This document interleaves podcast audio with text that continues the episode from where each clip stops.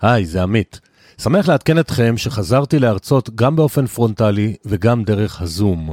ההרצאה החדשה והמעודכנת שלי נקראת לפרוש לפני הפנסיה, מה שאני לשמחתי עשיתי כבר בגיל 46. בהרצאה מקבלים כלים ומוטיבציה למה כל אחד חייב להשקיע, ואיך לנצל טוב יותר את הכספים הפנויים שלכם. בין הדברים עליהם אני מדבר בהרצאה, מה הכוונה בלפרוש לפני הפנסיה, מהו משולש ההכנסות בגיל הפרישה, ואיך מתחילים מחר בבוקר ובכל סכום להשביח את ההון שלכם.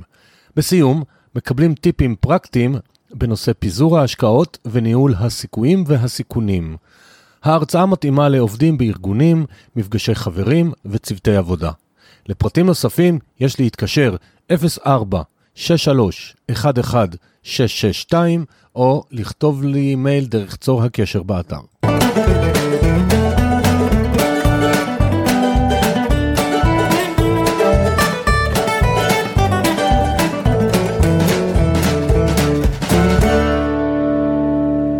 שלום לכולם, זה עמית. תודה שבחרתם להקשיב לנו היום. בזמן האחרון יצא לי לדבר עם כמה מאזינים שמאוד הופתעו לשמוע שני דברים נחמדים שקשורים לפודקאסט. אז אני אספר לכם. אחד, זה שאף מרואיין, כולל מי שהיום, לא רואה את השאלות מראש. אני לומד עליהם לפני הרעיון, אני בדרך כלל מדבר איתם, רואה את האתר שלהם, אה, מכיר את התחום לחלקם, ואז אני מכין שאלות, כי ככה זה הכי אותנטי, ולפעמים אני גם שואל בקבוצה שלי, כסף והשקעות בפייסבוק, אה, בנושא הזה, את מי, איזה שאלות כדאי לשאול. אז זה דבר אחד. והדבר השני זה שאין עריכה. מה שמקליטים זה מה שיוצא, כי אין לנו מה להתבייש, גם אה, לגמגם ו- ולטעות זה חלק מהחיים. אז זה סתם, שתדעו גם אתם. היום איתי אה, קובי זהבי, שלום קובי. שלום עמית, מה העניינים? מצוין, תודה שאתה מארח אותי.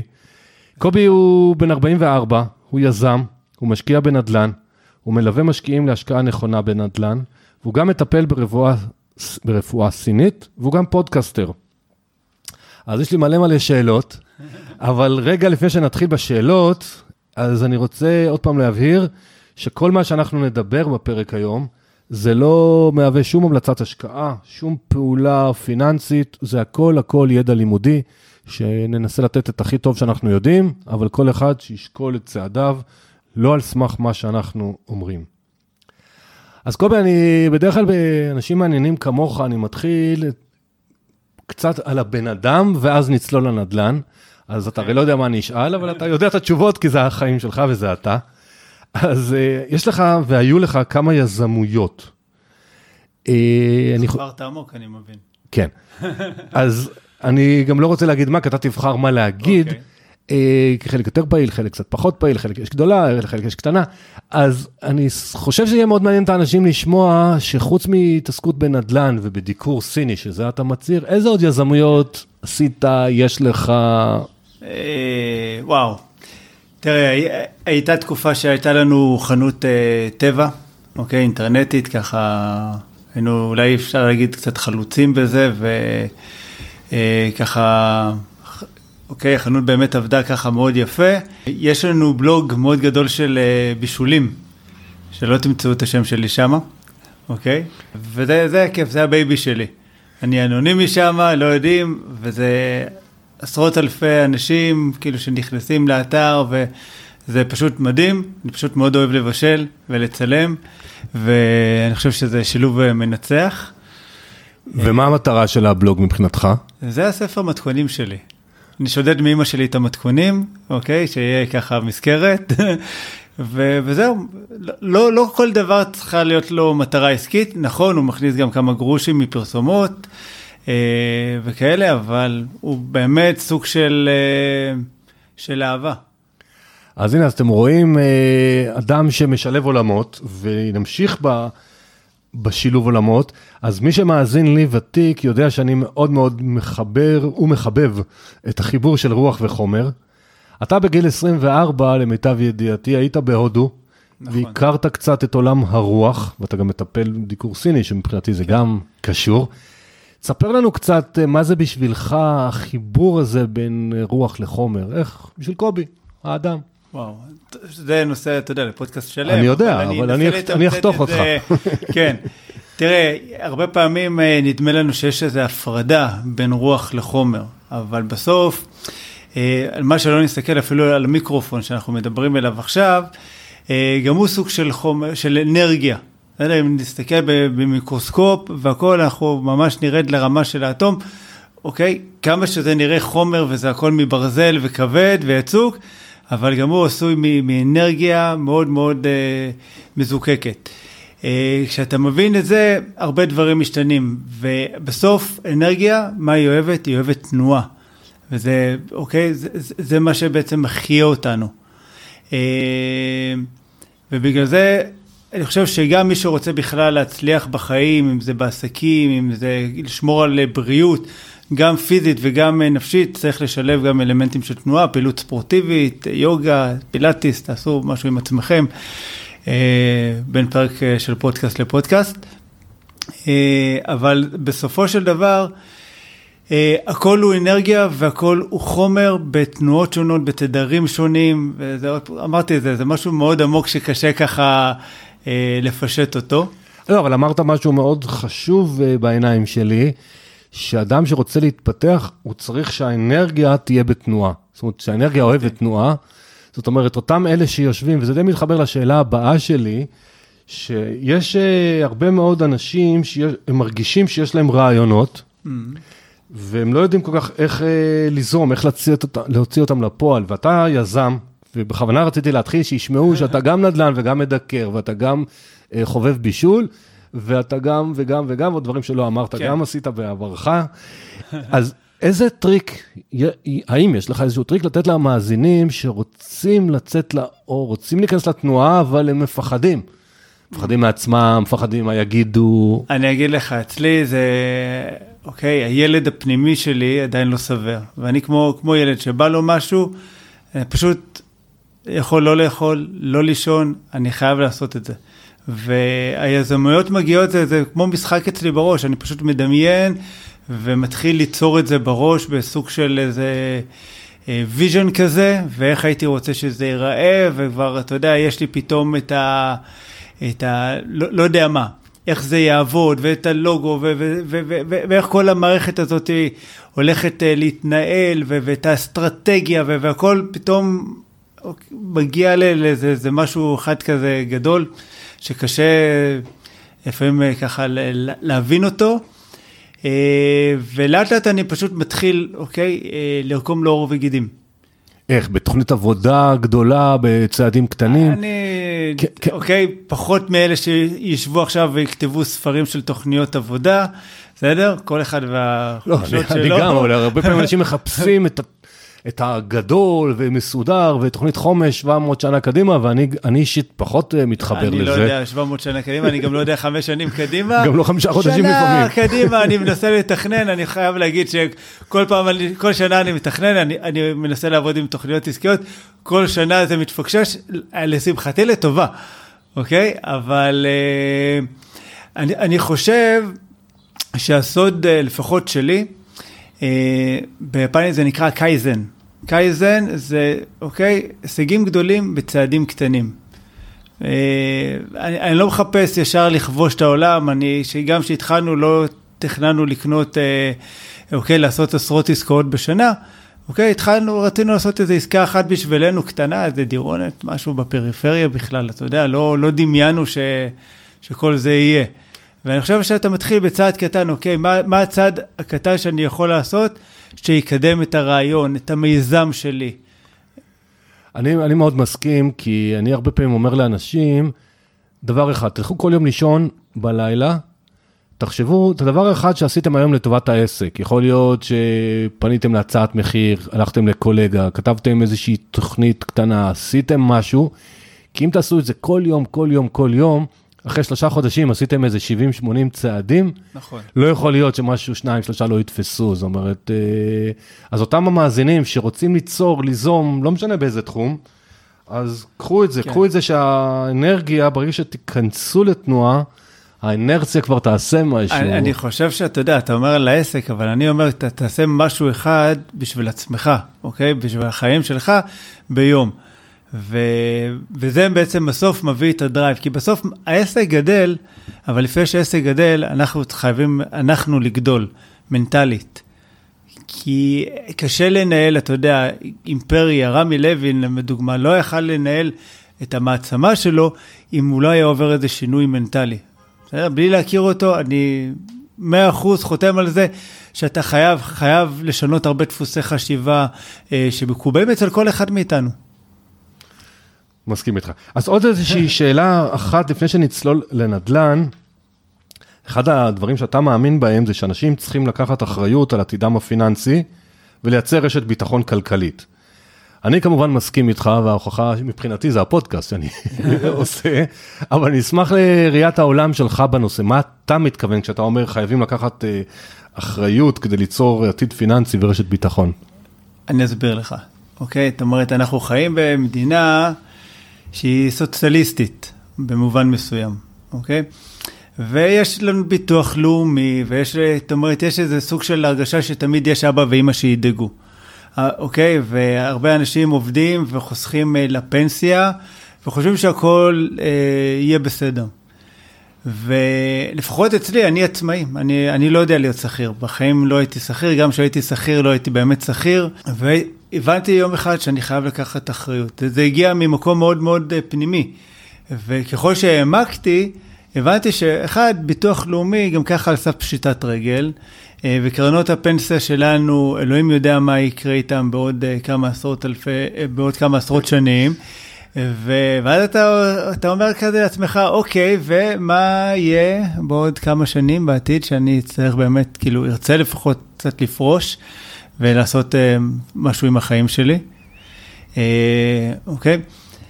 זה, זה התחיל איפשהו מזה, אבל לפני שבכלל הבנתי, מה שהפיל לי את האסימון, אה, אני מטפל ברפואה סינית, ויום אחד הגיעה אליי מטופלת ומתיישבת על הכיסא שאתה יושב, ומתחילים לדבר, מקשקשים וכאלה, ומספרת לי שהיא גם כן מטפלת, ואני, וואי, איזה יופי.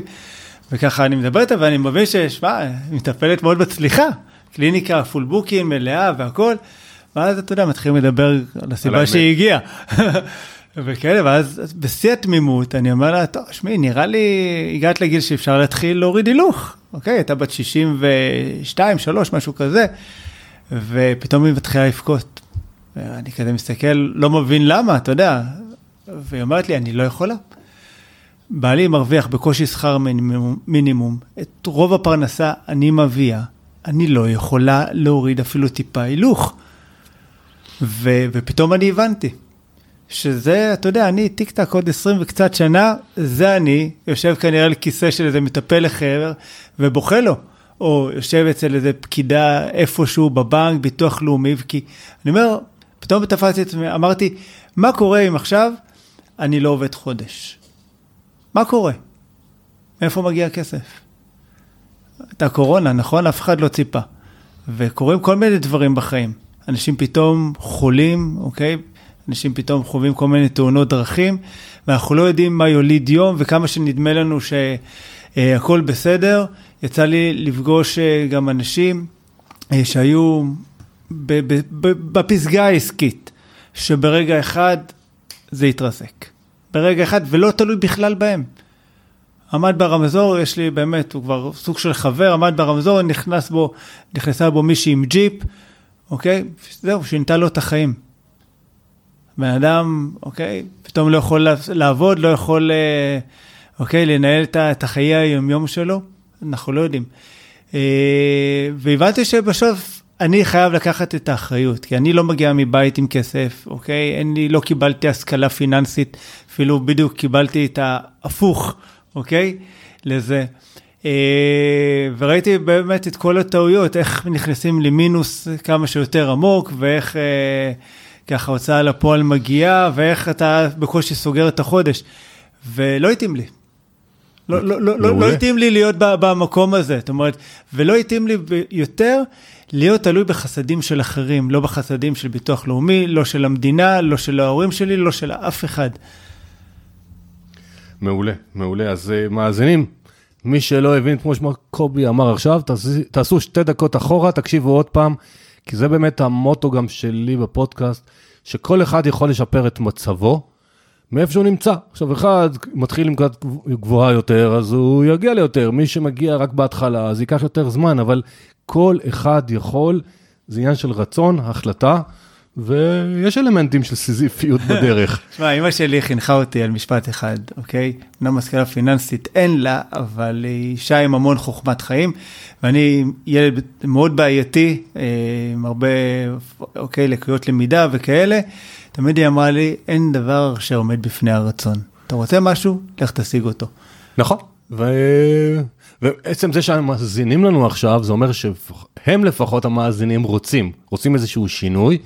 לכן התחלתי גם איך להתחיל, איך ליזום משהו, כי הרבה פעמים אנשים, הם רוצים, אבל הם מפחדים מהצעד הראשון מאלף ואחד סיפורים בראש. כן, אבל ו... הצעד הראשון הוא קטן. זאת אומרת, הנה, זה, זה מה שהצעת להם. זה העניין, לחלוטין. יופי. אז אני רוצה שנתחיל אה, לצלול לעולם הנדל"ן, ונתחיל כמובן ברכילות. אוקיי. אתה עובד עם אשתך, עם הדר, אתם עובדים ביחד ב... בעולם הנדל"ן, אבל לפני שנצלול עוד ועוד פרטים, איך החלטתם בכלל להתחיל ללמוד את עולם הנדל"ן? אז הבנתי שהחלטת שאתם רוצים להיות עצמאות, אתם לא רוצים להיות תלויים בקרן פנסיה או באיזה ביטוח. לא, אתה, uh... אתה, אתה רץ קדימה, אנחנו לא, כשהלכנו ללמוד נדל"ן, אה, זה עוד היה לפני זה? בכלל לא, לא הבנו את זה. אני, מגניב, אז ספר לנו. אחרי שנפגשתי עם האישה הזאת, המטופלת, אוקיי, זה, זה הגיע... זאת הייתה הסתירה השנייה, כי הסתירה אה. הראשונה הייתה, אה, אני והדר מאוד אוהבים ככה לשתות אה, קפה ביחד, ואז במטבח ככה אני פתאום, באחד הפעמים אני שואל אותה, תגידי, אוקיי, אני עצמאי, אני עוסק מורשה כבר, אתה יודע שזה נחמד, ויש לנו כמה מיזמים, עסקים קטנים, מכניסים כסף, משתכרים באמת, לא רע. לא, לא יכולים להתלונן, אבל אמרתי לה, מה אנחנו יודעים על כסף? והיא מסתכלת עליי עם החיוך אה, שלה ואומרת לי, אני, אני שכירה, מה אתה רוצה ממני? מה אני קשורה לזה? ואתה יודע, ופתאום לא היה לי תשובה. והבנתי שאוקיי, סבבה, אנחנו קמים כל בוקר, הולכים לעבודה בשביל להרוויח כסף, נכון? חוזרים הביתה, למחרת קמים עוד פעם לעבודה בשביל להרוויח כסף, אבל רובנו בכלל לא מבינים אה, איך הכסף עובד. אוקיי, מה, מה האנרגיה שמניעה אותו, איך הוא עובד, מה זה ריבית בכלל, מה זה פריים, אוקיי, איך ממנפים, איך כל, כל מיני דברים כאלה שלא היה לי בכלל אה, מושג אפילו. ואז הזכרתי שפעם קראתי איזה ספר, אוקיי, לא יודע, אולי אחד המאזינים באמת קרא אותו, שנקרא אבא עשיר אבא אני. אז החלטתי להוציא אותו במדף, עוד פעם ניקיתי את האבק והתחלתי לקרוא אותו. אוקיי, בפעם השנייה, 15 שנה, אוקיי, מאוחר יותר, ואני פשוט שבוע... הלכתי עם דמעות בעיניים, וכל מה שיצא לי, אוקיי, זה, איזה מטומטם אני, איך לא, אוקיי, איך פספסתי את זה. ושיגעתי את הדר, ותאמין לי, ושאני... ש, שאתה משגע, אתה משגע. כשאני משגע, אני יודע לשגע, ופשוט לא הבנתי איך, פשוט היה לי משהו, קראתי, דביל, לא הבנתי שום דבר ממה שהוא רצה, אבל היה לי אוצר ביד, 15 שנה, כאילו לקח לי קצת שהגלגלים במוח אה, ככה השתמנו כמו שצריך. ואז, אוקיי, הבנתי שבסדר, צריך לעשות משהו, נכנסתי לעובר ושב, ראיתי שיש לנו 100 אלף שקל, וטוב, מה עושים עם זה? הבנתי שצריך לתת להם לעבוד. אין לנו מושג. התקש... ואז נזכרתי, אמרתי לאדם, אמרתי לה, תקשיבי, יש את זוהר, הוא לא עובד, לא יודע מה הוא עושה. אני ארים אליו טלפון, התקשרתי לזוהר, אמרתי לו, שמע, זוהר, יש מצב ככה שאתה עוזר לי, אנחנו רוצים, לא יודע, להשקיע משהו, יש לנו איזה כמה שקלים? הוא אמר לי, כן, אין בעיה, תגיע אליי מחר. יום שני, אוקיי, למחרת אני מגיע לזוהר, יושבים על תה צמחים, והוא מתחיל לדבר איתי ככה, פתאום פותח לי שני מסכים, מראה לי כל מיני גרפים של שוק ההון, מתחיל להסביר לי כל מיני, אל תשאל אותי מה. ואני אומר לו, תקשיב, זוהר, עזוב, אני כרגע עם בחילות, חרדות, לא בשבילי כל הקטע הזה, יש איזה משהו אחר, ואז הוא אומר, שמע, אתה יכול לעשות את זה גם בנדל"ן. לעשות, יש עסקאות אקזיט, אתה קונה, משפץ, מוכר, ויש אה, נדל"ן מניב, וזכויות משנה, לא יודע, זה רק כל מיני קללות כאלה. ואמרתי לו, שמע, נשמע נחמד, איפה בכלל אני מתחיל את זה? ואז הוא זרק לי ככה אה, איזה שם. ואמרתי לו, אוקיי, תודה רבה, מצוין, כבר בדרך למטה, אני ישר גוגל, נכנס, מתקשר להדר, אני אומר לה, טוב, תקשיבי, אנחנו הולכים ללמוד נדל"ן. אמרתי יאללה, מצוין, אין בעיה. יום שני. אני עולה הביתה, זוהר גר מולי, מרים טלפון, הוא אומר, כן, יום חמישי מתחיל קורס, מצוין, תרשמי אותנו פעמיים. יום חמישי, אני והדר מתיישבים ביחד שמה. אה, זהו, ואני חושב שמכאן הדברים אה, פשוט השתנו, זאת אומרת, לא ציפינו בכלל, אה, אתה יודע, להגיע לכל ה... לא, עוד מעט נגיע למה אתם עושים היום, כן. אבל אני רוצה שתי שאלות שקשורות דווקא לעבודה בזוגיות, כי זה אוקיי. הרבה פעמים אנשים... אז קודם כל, אה, האם עשיתם ביניכם ככה, דיברנו על תוכניות, ואמרת שאתה גם כמוני כנראה, לא בחסידי התוכניות המפוצצות, אבל איזושהי החלטה מי עושה מה, או אמרתם להתחיל, ומי שיש לו זמן אז- באותו רגע, אה, כן. יעבוד. אז תראה, בהתחלה פשוט התחלנו, כי אה, קודם כל, בהתחלה התחלנו בשביל מאזינים. הנה, רוצים משהו, מתחילים, לא טוב, משנים. זה, זה אחד כן. המשפטים הכי חשובים, פשוט לעשות. הנה, וזה היה ספונטני. לא, פשוט התחלנו, זאת אומרת, התחלנו קודם כל בכלל ביתנו, לא, לא היה. שום כוונה בכלל אה, לעשות אה, למשקיעים לא, בסדר. כי רציתם לא- לשפר לא, את לא ידענו מצבכם. שזה קיים, עזוב, בסדר, אה, לא, לא יודע, פשוט לא ידענו. באיזה הגענו שנה אנחנו בערך נמצאים? חמש שנים אחורה מהיום. 2016. אוקיי, משהו אוקיי. כזה, כן. עכשיו שתבין, כשהתחלנו ללמוד נדל"ן, אני לא ידעתי מה זה נסח טאבו. אומרת, לא, הכוונה היא שזה כבר היה קבוצות פייסבוק. אבל לא, כן, אה, אני חושב שלא לא, לא היה בכלל קבוצות פייסבוק, וגם אם כן, הן לא, היו מאוד כאילו רדומות. כן. אה, לא, לא היה מאיפה לקבל באמת את המידע ואת ההשראה שיש היום.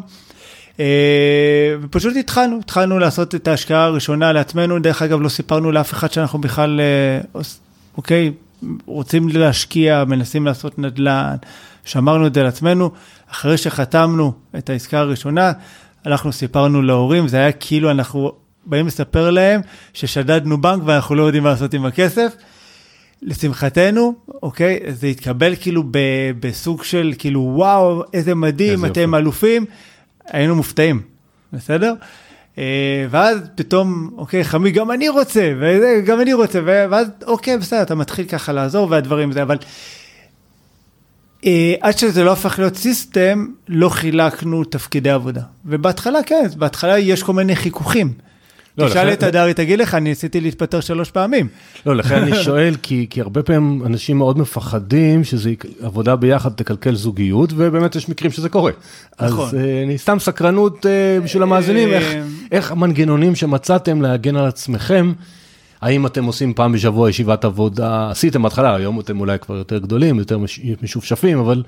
כי אני יודע שעם אשתי, שהתחלנו לעבוד ביחד, אז היה תקופה של אה, שנתיים, אני חושב כמעט, שהיינו או פעם בשבוע או פעם בשבועיים, יושבים אפילו אצלי במשרד, לא בבית, אשתי עובדת מהבית, כדי שזה ייראה רשמי כאילו, כן. וכל אחד הביא את הנקודות, את השאלות, התהיות לצד השני, עד שמצאנו מנגנון, והיום מאוד ברור כל אחד מה הוא עושה. אז זהו, אז ב- ב- בהתחלה לא היה חלוקת תפקידים, היום כבר יש באמת חלוקת תפקידים, כל אחד יודע על מה הוא אחראי ו- ועושה את זה.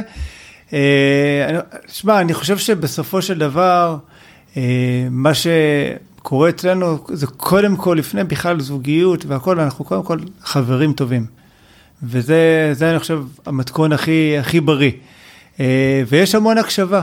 יש המון הקשבה ו, ורצון קודם כל לעזור, ואף אחד לא, לא נולד יזם, ו, ויש דברים שאני לומד ממנה, יש דברים שהיא לומדת ממני, וזה מפריע אחד את השני. יש הרבה דברים שאני בראש שלי אף פעם, אוקיי, לא הייתי רגיל לתת דין וחשבון והכל, ופתאום אתה עובד עם משקיעים. אוקיי, הייתה אומרת לי, תדווח, תדווח מה, מה עשית, ש, שידעו שאתה באמת עובד, כי הם חושבים שאתה בעצם לא עושה שום דבר. ואז אה, באמת נפל לי האסימון, נכון, כאילו, זה שאני הולך, מזיע ומסדר את כל העולם, אם לא אמרתי, אף אחד בכלל לא יודע. עבדתי פעם בתור שכיר בחברת ייעוץ בתעשייה. כן. אז המנכ"ל, אה, איך שהתחלתי לעבוד, שם אותי באיזה פרויקט מאוד מסובך, ואז הוא אמר לי, תשמע, הצדק צריך גם להיראות, לא רק להיעשות. כלומר, נכון. תעשה יחסי ציבור. עכשיו, אני אדם, כאילו, עושה את העבודה, אז, הוא- אבל הוא, כמייצג חברה, ייעוץ כן. חיצונית, אז הוא אומר לי, תדאג שכולם ידעו שאתה פה, כי כצדק צריך להיראות. אז, אז אם מגיעה בארגונים קצת יותר גדולים ו- וכאלה, כן. אז, אז זה יופי, בסופו של דבר, גם להקשיב, לשים את האגו בצד, להשאיר אותו עדיף מחוץ לבית בכלל, זה מתכון עוד יותר מוצלח למערכות יחסים אה, מוצלחות. אה, וכן, ולהקשיב, להקשיב ולהבין ששני הצדדים בסוף מגיעים מתוך רצון טוב לקדם את העסק. אני מאמין שאתה נתקל בזוגות שאחד או אחת רוצים להשקיע, ואחד או אחת לא רוצים. ואני פשוט כן. נתקל בזה המון לקוחות שמגיעים אליי. איך אתה מציע, או מניסיון שלך, איך מגשרים בין בני זוג שהם גם חברים טובים וגם זוג, ואחד מבין אולי, או אחת, זה עוד פעם, זה אני, כאילו זכר נקבה פה, זה לא משנה לי. את מה שאמרת, אנחנו צריכים לדאוג לעתיד שלנו, כי קרנות פנסיה וביטוח לאומי וכל זה נחמד, אבל מי יודע. יש לך איזשהו טיפים, טריקים? אה, תראה, זה מורכב, אבל. זה, זה בדרך כלל יושב על משהו. בסדר? עכשיו, רוב הפעמים מה קורה? אה, שבני זוג, אה, אחד מהצדדים, וזה באמת יכול להיות לפעמים כן. הגבר מגיע מהרעיון של לבוא להשקיע, ולפעמים זה גם האישה. בטח. אני נתקל בהמון המון נשים, גם אני. אה, שדווקא הם אלה שמניעות. גם שהבעל דווקא הוא זה שאני כאן בגלל אשתי. אבל אחת הטעויות הגדולות שאנשים יכולים לעשות זה להפנות אצבע מאשימה, להגיד, מה, את לא מבינה כמה זה חשוב, אתה, את לא, אתה, אתה לא יודע כמה כדאי להשקיע, אתה לא מבין, את לא מבינה, וזה פשוט סוגר. אף אחד לא אוהב שבאים ואומרים לו, אתה לא יודע, אתה לא מבין, מה אתה, מה, כאילו, אתה טועה, וצריך למצוא קודם כל שפה שהיא מקרבת, שזה בכלל נכון לגבי זוגיות, אוקיי? אה, והשפה המקרבת הזאת היא הרבה יותר אה, פותחת, ואז אפשר גם להבין רגע מה החסמים. יכול להיות שיש באמת איזה סוג של אמונות מגבילות שצריך לטפל בהן. יכול להיות פחדים שחסר- מהבית, מהילדות. בדיוק, יכול להיות, האמונות המקבילות שלנו לרוב הן מגיעות מהילדות, מהבית, וכל מיני משפטים ודברים ששמענו. אה, ואז אה, לאט לאט לנסות לטפל בזה, אבל צריך בעדינות וברגישות, ולחשוף בסוף, האויב של הפחד זה ידע, כי ברגע שיש ידע אין פחד. ואני חושב שברגע שאחד מהצדדים מפחד איפשהו, אז זה רק בגלל שאין לו ידע, ולהנגיש לו את הידע. לשבת, אולי להקשיב לפודקאסטים ביחד, להשתתף בוובינארים, ללכת אולי לאיזה קורס. אחת הסיבות שאני והדר הלכנו ביחד אה, ללמוד נדל"ן, לא בגלל שאנחנו כאלה נדיבים, שילמנו פעמיים, זה הרבה כסף. בסדר, יכולנו לחסוך, מה, אתה תלך, תס, תסכם לי. תגיד לי מה, מה המורה אמר, בסדר? אבל היה לנו ברור ששנינו פחדנים, שנינו לא מגיעים מרקע פיננסי ונדל"ן, כאילו איזה נדל"ן, מי, מה לנו ולנדל"ן. היה לנו ברור שאנחנו חייבים ללכת ביחד בכדי שתהיה לנו שפה משותפת. כי היום כשאני מגיע לעסקה, אני מרים טלפון, אני אומר, ממי, מצאתי עסקה, הוא אומר לה, אוקיי, זה, זה, זה, זה, אמרתי, יאללה, סבבה. היא לא מגיעה לראות את הדירות בכלל, אנחנו קונים דירות, היא מגיעה לחתום בלי לראות. אבל זה, זה אפשרי ברגע שיש שפה משותפת, ברגע שיש באמת... אה, זה אחלה, אחלה דרך, באמת, הלימוד המשותף. זה מזכיר לי גם שבנושא הספרים ואמזון, שאני גררתי בזמנו את אשתי אה, ללמוד ביחד את העולם הזה, ומזה בלי כוונה נולדה ההוצאה לאור שלנו, כי באמת הלמידה המשותפת, ושילמנו כפול והכל, זה נתן אה, באמת שפה משותפת להתקדמות. אז כן. אני... יופי, אז בוא נתקדם קצת בעולם הנדל"ן. למיטב ידיעתי, ואני חושב שאני יודע, אבל לא בטוח, אתה מאוד מאוד מאמין בנדל"ן בישראל. יש, אה, כידוע לנו, המון המון אנשים שלא. אז תן לנו את האני מאמין שלך לגבי הנדל"ן בארץ. אז ככה, תראה, אני מאוד מאמין בנדל"ן בישראל, אני בכלל לא שולל השקעות בחו"ל, בסדר? אה, אני חושב שרוב האנשים לפעמים הולכים קצת אה, אחרי העדר וכצאן לטבח, ופשוט עושים כל מיני השקעות שהן לא כאלה באמת חכמות ומוצלחות, ועם כל מיני מתפתים לכל מיני מספרים, שהם יורדים באמת אה, ככה לניתוח האמיתי שלהם, עושים אה, אה, אנליזה קצת יותר מדויקת ומקצועית, זה לא באמת כזה נוצץ כמו שזה נראה. אה, ויש איזה משהו מאוד טוב, כאילו, שלנו מאוד אה, מחבר אותנו לישראל, בסדר? אחד, קודם כל, זה, זה כאן, התחלנו כאן, אה, יצא ככה, בסדר? זאת אומרת, לא בכלל, כמו שאמרתי, לא חשבנו על נדל"ן בחו"ל, כי לא, זה בכלל לא היה ב set of mind שלנו. אה, אני חושב שמדינת ישראל, יש בה איזו תשתית שאין כמעט בשום מקום אחר בעולם. בסדר? אנחנו מדינה קטנה, אה, שהולכת להכפיל את אה, מספר התושבים שלה, וזה נתון שהוא מאוד מאוד חשוב. דבר נוסף, אה, כל הבירוקרטיה הפשוט לא הגיונית שקיימת היום בכדי להקים בניין חדש, היא פשוט סוג של מסכת של שבעה מדורי גיהנום, וזה בעצם מאוד מאוד מקשה על כל הקבלנים והיזמים להתחיל לבנות פרויקטים חדשים. מה שבסופו של דבר, בשורה התחתונה, אומר שיש מיעוט בהתחלות בנייה. אה, ותיקח קרקע קטנה, מספר תושבים גדל, אה, קושי מאוד מאוד גדול, אובייקטיבית, אוקיי? להדביק את, את הביקוש הזה, ושהוא כל שנה, הוא גדל בעשרות אלפי יחידות דיור, שזה מטורף. ביקוש מאוד מאוד גדול לדירות, כי אנחנו בסוף, יהודים, ישראלים, חונכנו על העניין הזה של לבוא לקנות את הדירה למגורים, אחר כך תעשה את כל הפנטזיות והשטויות שלך. בסדר? אם בכלל דואגים לדבר איתנו על זה. אבל קודם כל, אה, תלמד, תעשה צבא, אוקיי? תתחתן, תקנה דירה למגורים. אוי ואבוי אם לא. וזה יוצר שוק שהוא מאוד מאוד קשיח. ונכון, ראינו עשור של עליות מחירים מטורפות, הייתה, היו איזה שלוש שנים של באמת האטה, כחלון הצליח לבלום, הבריחו המון המון משקיעים מהארץ.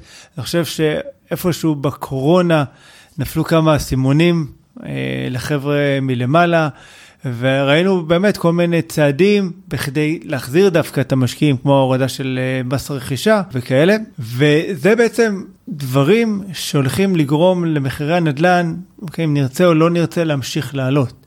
אה, במיוחד, אני חושב שהעשור הקרוב, אוקיי, וזה מוקלט, אז אני קצת מהמר כאן על המשפט הזה, אבל העשור הקרוב הולך דווקא להיות של הפריפריה.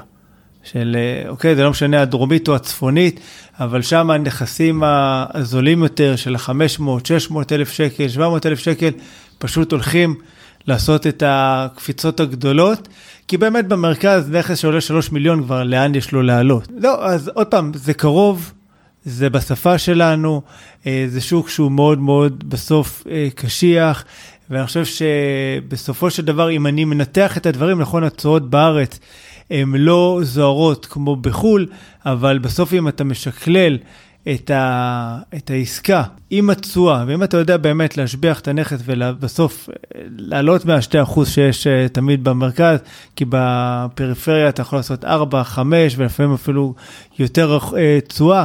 ותוסיף את האחוזים האלה מעליית ערך, אתה יכול להגיע לתשואות שהן מאוד מאוד יפות.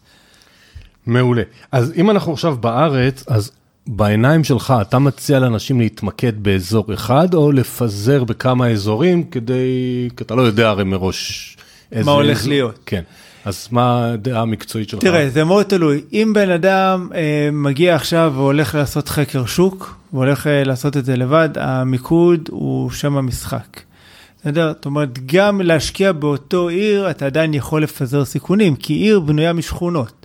אז אתה יכול להשקיע במספר שכונות שונות, במספר רחובות, אה, ואני חושב שלפני בכלל שאתה משקיע, הדבר הכי חשוב זה להתחיל אה, בכלל לעשות חקר שוק. ולהבין איפה, איפה הולך להיות פיתוח, כי זה לא יאללה רק בוא נקנה בזול ועשינו את המכה. כי יכול להיות שקנית בזול באמת על הנייר, אפילו קנית את הנכס ב-30% מתחת למחיר השוק שלו, אבל אם קנית אותו בבניין לא טוב, מרחוב לא טוב, אולי באזור שהוא לא מתפתח, או לא צפוי להתפתח, אז העסקה לא באמת תהיה כזאת טובה. לעומת זאת... אז איך מכירים את השטח? איך עושים חקר שוק, או איך מכירים שטח... אה... דרך הרגליים, דרך האינטרנט, דרך אה, שכנים מכירים. אה... אז תראה, אז זה, יכול להתחיל אולי דרך האינטרנט, קצת אה, לפחות בחקר השוק המאוד ראשוני, בבחירה של העיר והשכונות, אבל בסוף, כשרוצים לעשות נדל"ן, וזה לפי דעתי בכלל בכל העולם, זה חייב להיות דרך הרגליים. וזה אחת הסיבות הגדולות למה אנחנו עדיין משקיעים בישראל. אה, כי בסוף אתה צריך להכיר, אתה צריך להכיר את האנשים שגרים באותו הבניין, להכיר את הרחובות, להכיר גם מה המקומיים חושבים על הרחוב הזה, על הבניין הזה. אה, אוקיי, זאת אומרת, ללכת לקנות היום דירה דרך תמונות שאתה לא יודע מי השכן למעלה, למטה, ומי גר בחצר ליד, אה, זה סוג של הימור. ואנחנו קצת פחות חזקים בכל הנושא של הימורים, ואנחנו אוהבים ללכת על אפשר להגיד כמה שיותר בטוח, כי בסוף זה השקעה, בכל השקעה יש אה, סיכון. אז כן, חקר שוק, ללכת, אה, להכיר את, ה, את העיר, להכיר את השכונה, להכיר את הרחובות, להכיר את האנשים, אה, אוקיי? ומשם כבר באמת העסקאות גם כן יגיעו. אז כיום אתם באיזה אזורים, אנחנו מקליטים את הפרק, דרך אגב, סוף מאי 2021, אין לי מושג מתי תקשיבו לו. אה, אז איפה אתם בחרתם אה, לעצמכם ולה, או ללקוחות, לא לעצמכם ברמה האישית, ברמת הלקוחות, באיזה אזורים בארץ? איפה אתם? היום אנחנו כחברה? כן. אז קודם כל אנחנו בקריית אתא, אוקיי, באזור הקריות, אבל בעיקר בקריית אתא. יש לנו עוד אה, צוות בדימונה ובבת ים, ואנחנו כל הזמן ככה מחפשים את, ה, את היעדים החמים, את, היעד, את היעדים עם הפוטנציאל. אה, אוקיי, וכמובן, זה, זה, זה צריך לבוא תמיד עם גיבוי של אה, צוות טוב, שבאמת מחובר לערכים ולחזון שלנו. אז הזכרת מקודם שכשהלכתם ללמוד לא הכרתם כל כך את. העולם הזה, כן. כי יש עסקאות כאלה וכאלה וכאלה. אז בגדול, באיזה עסקאות אתה, אתם מאמינים, עסקאות יותר של אה, שכירות טווח ארוך, לאקזיטים, משרדים, קרקעות חקלאיות, זאת אומרת, אתה יודע, הרי אני רוצה שקצת שהמאזינים יבינו שמצד אחד יש מרחב אינסופי. נדל"ן. זה וואו. בדיוק, ומצד שני, אתה מרואיין, תגיד ומה אתה כן. האני מאמין שלכם. תראה, אה, אנחנו עושים הרוב, אוקיי, זה באמת עסקאות שהן אה, נדל"ן מניב. ו- וגם יש לזה סיבה, זאת אומרת, אני חושב שאחד... תסביר לנו מה הסיבה. אנחנו מתעסקים בשווקים שהם אה, זולים, של 500, 600, 700 אלף שקל אה, נכסים. זאת אומרת, בסוף הרווח שם הוא מאוד, הוא מאוד קטן. זאת אומרת, עשית, אוקיי, אחרי, אני מסתכל בסוף על הנטו. כמה okay. כן. באמת אני נשאר כמשקיע, אוקיי, עם רווח. אחרי ששילמתי מיסים והכל והכל, ואני אומר, אוקיי, עשיתי סיבוב, לקח לי איזה כמעט שנתיים, עברתי 50 אלף שקל, אני, זה, לא, זה לא מספיק מרשים בשבילי. ואני חושב שבסוף אה, זה מתחיל מעניין של תוכנית עסקית, ובנייה של אה, חזון, לאן אתה רוצה להגיע, מטרת על. והמטרת על שלנו בסוף הרי זה ליצור חופש כלכלי, ליצור ביטחון כלכלי. ואיך אתה יוצר ביטחון כלכלי? לא מעסקאות אה, מתגלגלות, לא מעסקאות אקזיט, כי קנית, מכרת, ונשארת עם, עם כלום. אה, פעם מישהו אמר לי איזה משפט בערבית, אני אגיד אותו בעברית, כי אני לא יודע להגיד אותו בערבית, אבל הוא אמר לי, אתה קונה חמור, מוכר חמור, אין חמור. אתה יודע, קנית דירה, שיפצת אותה, מכרת אותה, נשארת בלי דירה. אולי נשארת עם שתי שקל בכיס, אבל לאן זה קידם אותך? ונכס שאנחנו קונים היום, נכס שהוא מניב לנו, אז הוא מקדם אותנו, מקדם אותנו לחופש הכלכלי שלנו, מקדם אותנו לפנסיה, וכשאני אומר פנסיה, זה לא צריך להיות בגיל 67, אוקיי? זה יכול להיות גם בגיל 50, אוקיי? 55, תלוי אפילו מתי התחלתם, אם התחלתם מגיל 20, אז זה יכול גם uh, להיות בגיל 35-40. לא, הרצאת הדגל שלי נקראת לפרוש לפני הפנסיה, אז אני, יפה. בהחלט מה שאתה כן. מתכוון. כי אנשים מקובעים, אתה אומר להם פנסיה, מה, גיל 67? אני אומר, למה? למה? אצלי לא, לא. הפנסיה... לכן אני אומר לפרוש לפני הפנסיה, כאילו פרישה, להגיע ליכולת הבחירה בגיל הכי מוקדם, אני בוחר נכון. מה לעשות, האם בא לי לעשות את זה, או את זה, או את זה. מעולה. אז כשאתה מדבר על, אה, נמשיך את ההיערכות אה, לפנסיה, אה, לפרוש לפני הפנסיה, ודיברת על עסקאות מניבות, כלומר שכירות, אז אני רוצה לדבר רגע על המינוף. כן. האם אתה חושב שהאדם צריך לקחת את המינוף המקסימלי שהוא יכול, צריך להיזהר ממינוף, כי גם פה אין נכון לא נכון, יש המון המון אני מאמין. Mm-hmm. סקרן אני לשמוע מה אני מאמין שלך. זו שאלה שהיא, קודם כל היא חשובה מאוד, בסדר? והיא מורכבת. למה היא מורכבת? כי כל אחד... זה היה מורכב, לא היינו עושים פודקאסט. תכל'ס, אבל אה, אני אגיד לך, כי זה... כל אחד, הוא, הוא מגיע עם נתונים שונים. אני יודע, ולכן. אני רוצה שישמעו את הטעמים שלך, למי כן, למי לא, מה, מי כי, כי זה מאוד מאוד חשוב. אה, זה יכול להיות אפילו קריטי בהצלחה. לחלוטין. או בכישלון. יש כאלה שמגיעים, ואז אתה, אתה בודק, אוקיי, את, ה, את רמת ההכנסה שלהם. עכשיו, לפעמים הם מרוויחים גם יפה. מרוויחים גם 30, 40 או 50 אלף שקל בחודש, ואתה אומר, וואו, איזה יופי. ואז אתה אומר להם, כמה אתם חוסכים בחודש? ואז הם מסתכלים עליך במבוכה כזאת, ולא חוסכים. לפעמים הם אפילו גם במינוס. יש לי הרבה לקוחות כאלה. ואז אתה אומר, אוקיי, רגע, אתה רוצה עכשיו, אני אקח על עסקה קלאסית, לעשות, אוקיי, 100% מימון על הנכס, בסדר? למשקיע נכס קיים, 50% עוד 50% משכנתה. ואז אתה מסביר להם שהם בעצם הולכים להיות בתזרים שלילי כל חודש. והיום, אם הם לא יודעים לחסוך, מאיפה הם יביאו את האקסטרה כסף הזה? גם אם זה 500 שקל בחודש. אין להם את היכולת חס... אה, אה, חיסכון הזה. אין להם, השריר הזה לא מפותח אצלם, ואחד הדברים החשובים שקודם כל, הרבה פעמים אה, אני מנסה, לא יודע אם להגיד לחנך, אבל לפחות להסביר למשקיעים שלנו, זה קודם כל תפתחו את שריר החיסכון, ואז תשלחו את הכסף הזה לעבוד. אבל זה שריר שצריך לפתח אותו. לא סתם רוברט קיוסקי, אבא עשיר אבא אני, נכון? אחד החוקים הראשונים שלו זה שלם קודם כל לעצמך. מה זה שלם קודם כל לעצמך? קודם כל, תחסוך, הרווחת 20, תחליט מראש כמה אתה משלם לעצמך קודם, 3,000 שקל, יפה, מעכשיו אתה חי עם 17. ואדם שהוא כן מצליח לחסוך, לא משנה כרגע איזה סכום, כן. אז מינוף הוא לדעתך תמיד טוב? יש כאלה שזה, גם אם יש להם עודף תזרימי, זה פחות מתאים להם כדי לקנות בהון עצמי? תראה, מינוף, אה, זה מאוד תלוי גם באיזה גיל. לקנות בהון עצמי, אם זה מישהו צעיר, נניח סתם בגיל 25, אני אומר, שמע, עכשיו אתה בגיל של עבודה, לעשות והכול, לייצר לך, נניח, קנית נכס, ייצרת 2,000 שקל, אוקיי? שכירות ממנו, 2,500. זה לא ישנה לך את החיים, בסדר? בעוד כמה שנים, אם עכשיו תקנה, תשים עם הכסף שיש לך, נניח סתם עם 500,000 שקל שיש לך, נקנה שלושה נכסים, אוקיי, בעוד כמה שנים הם כבר יצרו לך לא 2,500 שקל, הם יוכלו גם לייצר לך 10,000 שקל. אבל בעוד כמה שנים 10,000 שקל הכנסה, זה יהיה מאוד משמעותי. זה צריך להסתכל. אם זה מישהו מבוגר, נניח בגיל ה-60, שכבר יותר קשה לקבל uh, מימון מהבנקים, הם פחות מתלהבים לתת משכנתאות, אז אני אגיד לו, אוקיי, סבבה, בוא, בוא נשקיע את, את הכסף הזה במזומן, שיהיה לך בעצם סוג של השלמה לפנסיה. זה, זה, עוד פעם, זה, זה מורכב, ות, אוקיי, זה אבל מורכב, זה ככה... זה מורכב, אבל זה מה שרציתי ש... אני, אני, כדרך אגב, חושב בדיוק כמוך, מסתבר, אה, מתי כן, מתי לא. אבל זאת שאלה בגלל שיש לי יתרון וחיסרון מבחינתי בקבוצות פייסבוק. היתרון, באמת המידע חשוף ואתה יכול לשאול כל שאלה. חיסרון, שאתה מקבל תשובות גם אנשים שלא מבינים, או כאלה שמדקלמים בכל הקבוצות אותם דקלומים.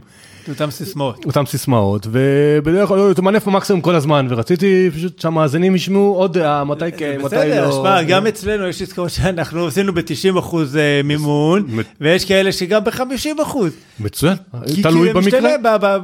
בדיוק, בעסקה. אז בוא נמשיך רגע בנושא המינוף, אז uh, הרוב המכריע הולך לבנקים. כן. Uh, אז שאלה אם יש לך איזה שהם טיפים לעבודה מול הבנקים בעולם הנדל"ן, או בכלל uh, מול בנקים, הניסיון שלך, כי אתה מריץ עסקאות שלך, של לקוחות. כן. Uh, תראה, היום יש לנו צוות של מימון ומשכנתאות, אבל uh, גם בתחילת הדרך, אני חושב שאחד הדברים שהבנקים מחפשים, זה, הם, קודם כל, הם נתחיל מהשורה, אוקיי, שהם מאוד אוהבים לתת כסף. זה המוצר שהם מוכרים, הם מוכרים כסף. רק הם רוצים לדעת שהם מוכרים את הכסף לאדם הנכון. וזה אומר שאתם כבר ניגשים לבנק, אוקיי? שניגשים לבנק, קודם כל להגיע לבושים יפה, ולדעת מה אתם רוצים לקבל. להבין ולהכיר את השפה של הבנק, כי הבנק, בדרך כלל הפקיד או הפקידה שתשבו, ידברו איתכם בכל מיני קיצורים, בקל"צים, בפריים וכאלה, והם לא באמת אה, יסבירו מה זה אומר, קל"צ, בסדר? ואם אתה לא מבין, יהיה לך את הפרצוף של ה... אז מי שלא יודע, זה ריבית קבועה לא צמודה. כן. לא, אנחנו לא נשאיר אותם באמת. תכלס. שולח אותם לגוגל. לא. אבל אני זוכר את המשכנתה הראשונה שאני לקחתי, ישבתי פשוט, זה חודש נראה לי, ופשוט קראתי את אותם מאמרים שוב פעם ושוב פעם ושוב פעם. ולא הסתדרו לך עדיין המספרים.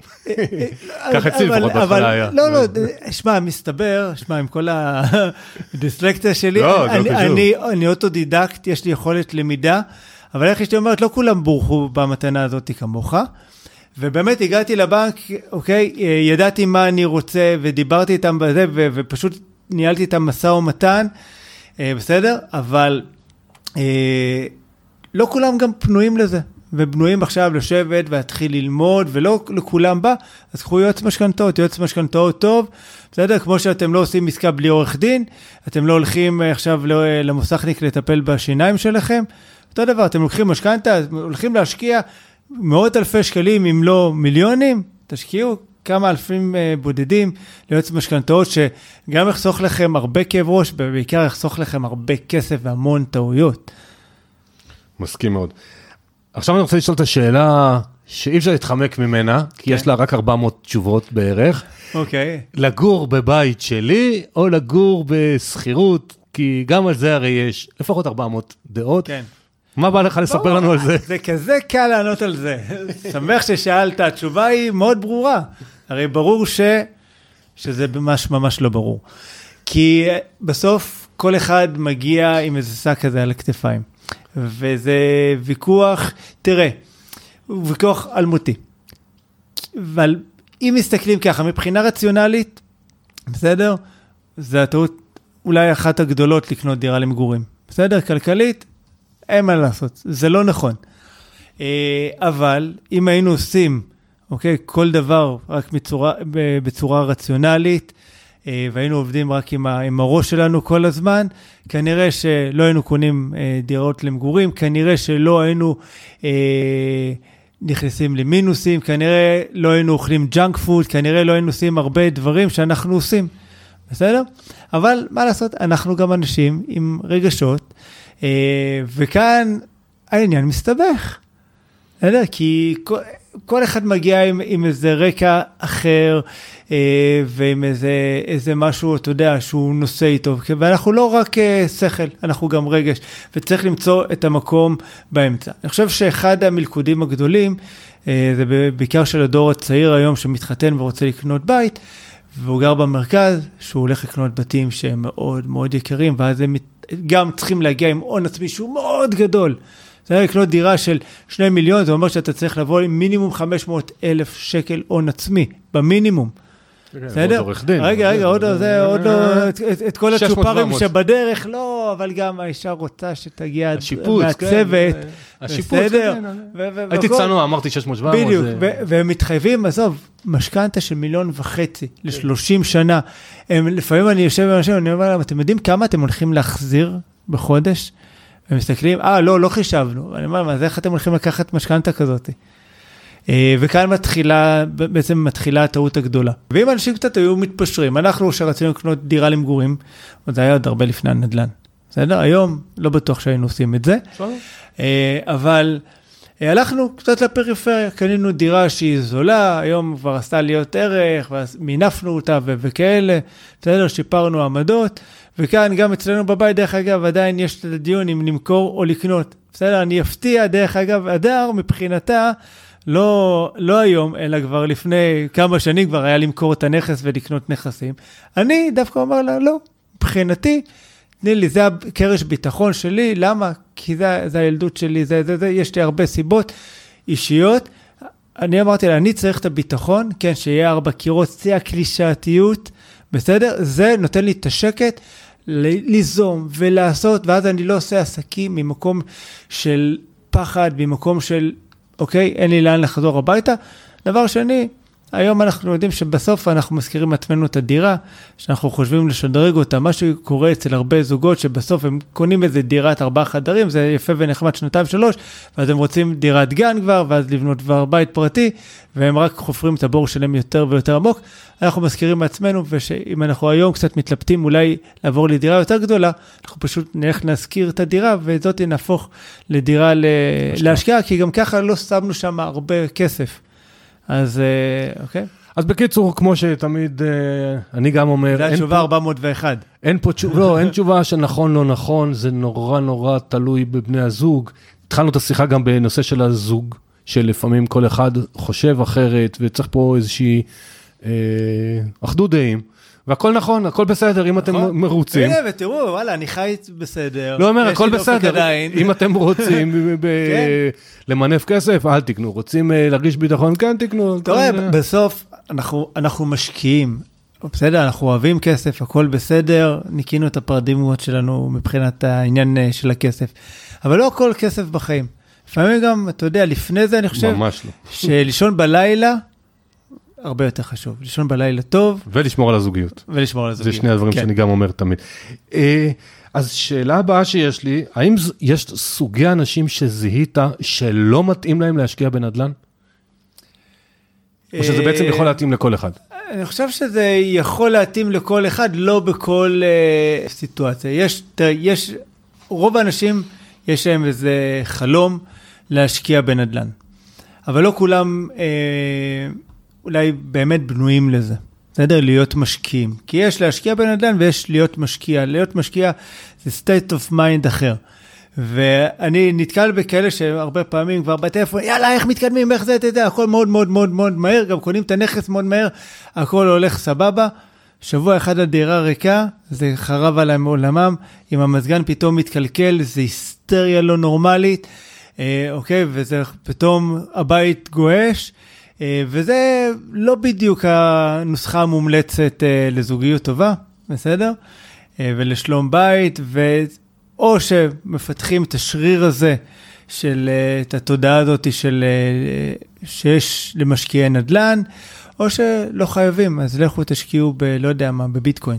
יש? מספיק אה, דברים. כן, אה, אבל ברמת העיקרון, זה, זה מתאים, אה, אפשר די לרוב, בסופו של דבר. מי שלא מפחד מקבל טלפון ומבין שלפעמים תזרימית יצטרך לעשות הוצאה, אז אין בעיה. מי שחרד מהטלפון באמצע הלילה, שזה תכל'ס, זה לא נורא הרי, כי זה לא קורה כל יום. אה, אז אין את. האמת, זה לא, זה לא קורה כמעט באמצע הלילה. רוב הדברים בינינו, גם אם יש, אה, לא יודע מה, פיתות בצנרת, לא יתקשרו אליך באמצע הלילה.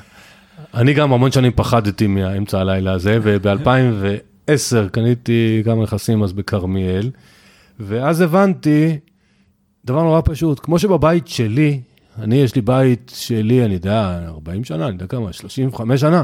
רק פעם אחת קרה לי, בכל השנים האלה שהייתי צריך מישהו באמצע הלילה, באמת, בבית שלי.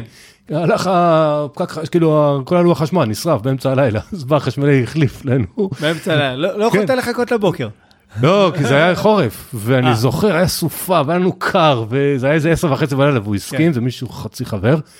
אז תחשבו, אם בבית שלכם זה לא קרה לכם אף פעם, אז למה זה יקרה בבית אחר אם הוא מתוחזק והוא סביר? אז אה, זה לא צריך להפחיד, אולי דברים אחרים שדיברנו דרך עליהם. אגב, אבל זה אחד הפחדים הגדולים שיש אה, למשקיעים בתחילת הדרך. נכון, על מה זה אם אני מדבר. הסוחר יתקשר אליי עכשיו ביום שישי בערב? על זה אני מדבר, ש- שאני מניסיון, כן, גם המון לאכול פחדתי, ימי. ואחרי זה ראיתי זה לא כזה נורא. כן. אה, עוד דבר שכולם מחפשים, ואני רוצה שתגיד אם יש דבר כזה, ואם כן, איך מתחילים. כולם רוצים להשקיע בנדל"ן בלי הון עצמי. כן. יש דבר כזה? אה, לגמרי בלי הון עצמי, אה, אני אגיד לך למה, כי... אה, כל הקבוצות פייסבוק כתוב שאין בעיה. כתוב, בסדר, גם כתוב שקוקה קולה טעם החיים, כתוב עוד כל מיני דברים, כי גם בוא, בוא ניקח ככה סיטואציה שעכשיו אתה אה, מוציא כסף מהקירות, אוקיי? ממנף נכס קיים. לקחת 50% מהנכס הקיים, לקחת עוד 50% משכנתה, ברמת העיקרון, בסדר? קנית את הנכס, 100% מימון.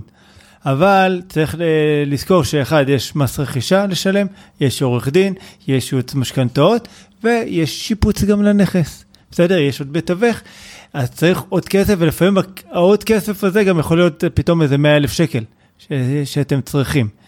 וצריך להביא אותו מאיפשהו, אז להגיד בלי הון עצמי לגמרי, אה, חצי. דרך נוספת אולי לעשות את זה בלי הון עצמי, זה לאתר עסקה טובה ולהביא משקיע. בסדר? ואז להיכנס סוג של שותף. אחד, בתחילת הדרך, בואו נהיה כנים, רוב האנשים יגידו לכם, תעשה אתה, ואז אחר כך נראה שזה עובד לך, ואז אה, זה. ככה גם היה אצלנו. בסדר? שניסינו כזה בהתחלה זה, תתחיל אתה, ואם זה יעבוד, אז אה, אוקיי, דבר איתי. אבל כשזה מתחיל לעבוד, אתה יודע, ו- והם פתאום מתקשרים, אה, דבר איתי שיש לך זה, כבר יש לך, אתה יודע, פתאום waiting list של משקיעים, אתה לא צריך אותם. כאילו, עכשיו אתה רוצה, איפה היית בתחילת הדרך שאני הייתי צריך? אוקיי, אז אתה אומר, יש אה, עם כוכבית גדולה. זה כן, זה בדיוק, זה אפילו לא אותיות קטנות, זה כוכבית גדולה. בדיוק. שאלה, כי אם אנחנו מתחילים להתקרב לסוף, על מתווך. כן. הרבה אנשים מתלבטים, כדאי לעבוד עם מתווך, כדאי לעשות לבד. אה, תיווך מבחינתי זה גם יכול להיות מה שנקרא מתווך אה, רימקס ו- וחבריו, או מתווך יכול להיות אה, כמו חברה כמו שלכם. כן. אז אה, תנסה לתת תראה, לנו מתי יש- לבד, מתי עם מישהו. יש הבדל אה, מאוד מאוד גדול בין אה, תיווך, אוקיי, לחברה כמו שלנו שמלווה משקיעים. ההסתכלות היא, היא אחרת, האינטרסים כאן הם שונים לחלוטין. הרי בסוף אה, מתווך, מה שמעניין אותו זה למכור את העסקה שיש לו, אה, מי שמעניין אותו זה בעל הדירה, למה? כי הוא, זה הסחורה שיש לו, אם בעל הדירה פתאום אומר לו, טוב, אתה עכשיו לא מוכר לי את הדירה, אין לו מה למכור, אין לו מה למכור, אין לו כסף להביא הביתה, בסדר? אצלנו זה עובד אה, פשוט לגמרי אחרת, אנחנו לא מחזיקים סחורה, לא מחזיקים מלאי, אה, לא מייצגים את בעלי הדירות, אנחנו מייצגים את המשקיעים, אנחנו מאתרים אה, עסקאות, בסדר? וזה שונה לגמרי, אני בסוף עובר אצל כולם ובודק מה יש ואיפה שיש עסקה טובה, אז אני לוקח. אם אין עסקה טובה, לא קרה שום דבר, ממשיכים הלאה. וזה הבדל מאוד מאוד גדול שחשוב להבין. אנחנו כן עובדים עם מתווכים. אני חושב שהיום אה, אנחנו מתחילים קצת להדביק את השוק האמריקאי בזה. בסדר, היום המון אנשים מבינים שבעצם להיעזר במתווך זה משהו שהוא נכון ונחוץ. בסדר? הנה, אני גם מפרגן להם. בסדר? אה, אבל יש הבדל בכל זאת בעשייה שלנו, אה, בין מה שאנחנו עושים למה שתיווך עושה. כן, אבל פעם המון אנשים היו קונים ממש לבד, לא מתווך ולא חברה שחוזרת אבל להם. זה- היום זה נראה לי הרבה פחות. זה גם האופי הישראלי, אתה יודע מה, אני פראייר, אני נכון. אשלם לו עכשיו אני אומר, תיווך אבל אני שואל 2%. אותך, כי אתה בשטח הרבה יותר ממני, אני ממש כן. לא בשטח. איך היום? היום עוד בכלל יש עסקאות של אנשים לבד, או שכיום זה נדיר? הרבה פחות, זהו, הרבה אני מרגיש פחות. שזה יותר כן, ויותר אה, ממש, תיווכים כאלה אה, ואחרים. אוקיי, הרבה יותר קשה להגיע, במיוחד בשווקים אה, הזולים, בפריפריות, שהמתווכים שם, מה לעשות, שולטים אה, מאוד מאוד חזק. אה, בסדר גמור, אני חושב שבסוף, כשאתה מבין את חוקי המשחק, אתה מבין שמתווך יכול באמת אה, לעזור לך לסגור את העסקה גם במחיר הנכון. הוא לא אויב, בסדר? הוא כמו בסוף הוא חבר. שאמרת, הוא רוצה לסגור עסקה, הוא לא הוא מעניין רוצה אותו לסגור מחיר. עסקה, ו- ואם הוא קולט שאתה רציני, ואתה באמת באת לסגור עסקה ולא לבזבז לו את הזמן ולבלבל לו את המוח, אז הוא זורם איתך. וזורם איתך, אוקיי, וזה יעשה איתך עסקה אחת, והוא יראה שוואלה זה טוב, אז יעשה איתך גם עוד 10 ו-20. מעולה. יופי, אז הגענו לשאלה האחרונה, שאני תמיד מחכה לה, והמאזינים גם. שלושה טיפים לחיים פרקטיים, אולי דיברנו עליהם, אולי לא דיברנו עליהם, משהו ככה שאתה רוצה לשדר ל... שלושה. כן? אוקיי. אה, טוב, אני אני אנצל רגע את הזמן עד שאני מגלגל את העצה השנייה, את הטיפ השני. אני- אחדד את הטיפ תתחיל הראשון. מהשלישי אני- ויש לך שני, אני אחדד את. הראשון שאמרתי, אוקיי? תתחילו בצעדים קטנים. בסדר? לא עכשיו, זאת אומרת, שימו מטרות על שהן גדולות ו- ועם חזון גדול, ו- וזה זה מצוין, אבל בסוף אה, תשאלו מה הצעד הראשון שאני יכול לעשות שיקדם אותי לעבר אה, המטרה. אה, הדבר, ה... זה חייב להיות רק בקטע לא. של אה, השקעות? כל נושא אוקיי. שבחיים... אני, אני, ב- אני, אני חושב, הטיפ השני זה תשמרו על הערכים שלכם ועל מי שאתם, כי בסוף יש דברים שהם קודמים אה, לכסף והם קודמים לעסקים, אה, אוקיי? בשבילי זה המשפחה, זה הזוגיות, זה, זה הדר והבנות, אה, זה קודם כל. אה, והדבר השלישי, אוקיי, ההשקעה, אני חושב, הכי טובה שבן אדם יכול לעשות, זה ההשקעה בעצמו. ואוקיי, וזה זה משהו שאני הבנתי לפני 20 וקצת שנה, ועם כל הקשיים ועם כל ה... אני תמיד אומר, קיבלתי את הקלפים הכי גרועים שאפשר לבקש, וניצחתי במשחק, מבחינתי. יכול להיות שמישהו מהצד אומר, אה, מה הוא כבר עושה? מבחינתי, אוקיי, אני ניצחתי במשחק. אה, ו... ועם כמה שקיבלתי את הקלפים, אוקיי, לא משהו, בכל זאת אה, בחרתי לעשות, אה, ועשיתי, והנה נקטע לי החוט מחשבה, אוקיי, על מה שרציתי, אבל... אה, אה, לא, השקעה בעצמך, זה... השקעה- זהו, התחלתי לדבר, לא, אה, אני אומר, השקעה אתה בעצמי. עשית- סיפרת שנסעת להודו נכון, ונסעת תודה על החיבור, נדל"ן. אוקיי? אבל אה, ברגע שהבנתי שבעצם, קודם כל אני משקיע בעצמי, ואני עד היום כבר 20, אוקיי, ומשהו שנה קם מאוד מוקדם בבוקר, מתרגל מדיטציה. כל בוקר, חוץ משבת, אני מפרגן לעצמי שאני יכול לישון, אוקיי? וקורא המון המון ספרים, אה, ועושה המון עבודה פנימית, ומטפל גם בהתנגדויות הפנימיות של עצמי, כי זה לא נגמר, אתה, זה לא איזה סוג של, אה, אוקיי, זהו, הגעתי לפסגת ההר, אני וואו. לא נגמר. בסדר? זה כנראה עבודה לכל החיים. אז קודם כל תשקיעו בעצמכם. אה, אני חושב שברגע שההשקעה בעצמכם תהיה מניבה, אז גם ההשקעות אה, שתעשו בכל דרך, לא משנה באיזה אה, פלטפורמה תבחרו, תהיה הרבה יותר מוצלחת והרבה יותר נכונה ומותאמת עבורכם. לא תתפתו לכל מיני צורות מובטחות וזוהרות ודברים שכאלה. אחלה, אני חושב, אני מאוד מתחבר לטיפ לכולם, אבל האחרון במיוחד, ללכת עם האמת שלך, זה בסוף מה שמנצח. תודה רבה, קובי. לי היה מאוד מעניין. מקווה שגם לכם מאזינים. מי שרוצה להכיר את קובי יותר, בקישור לפרק, יש אתר, יש קישור לאתר של קובי, שזה www.rightinvest.co.il, ותודה רבה שהייתם איתנו. אני כרגיל מבקש שתספרו להורים, לחברים, לילדים על הפודקאסט, שכולם ייהנו. תמיד שמח לשמוע מכם על משובים, על רעיונות, מה, מה שבא לכם לספר. אה, יש לי ערוץ יוטיוב, אה, עמית אשת, מי שלא מכיר, הוא מאוד צומח. יש בו המון סרטונים, אחת לשבוע לפחות, עולה לשם תוכן חדש. ופרקים קודמים אפשר לשמוע בכל האפליקציות או באתר אה, www.toinvest.co.il. תודה, וניפגש בפרק הבא.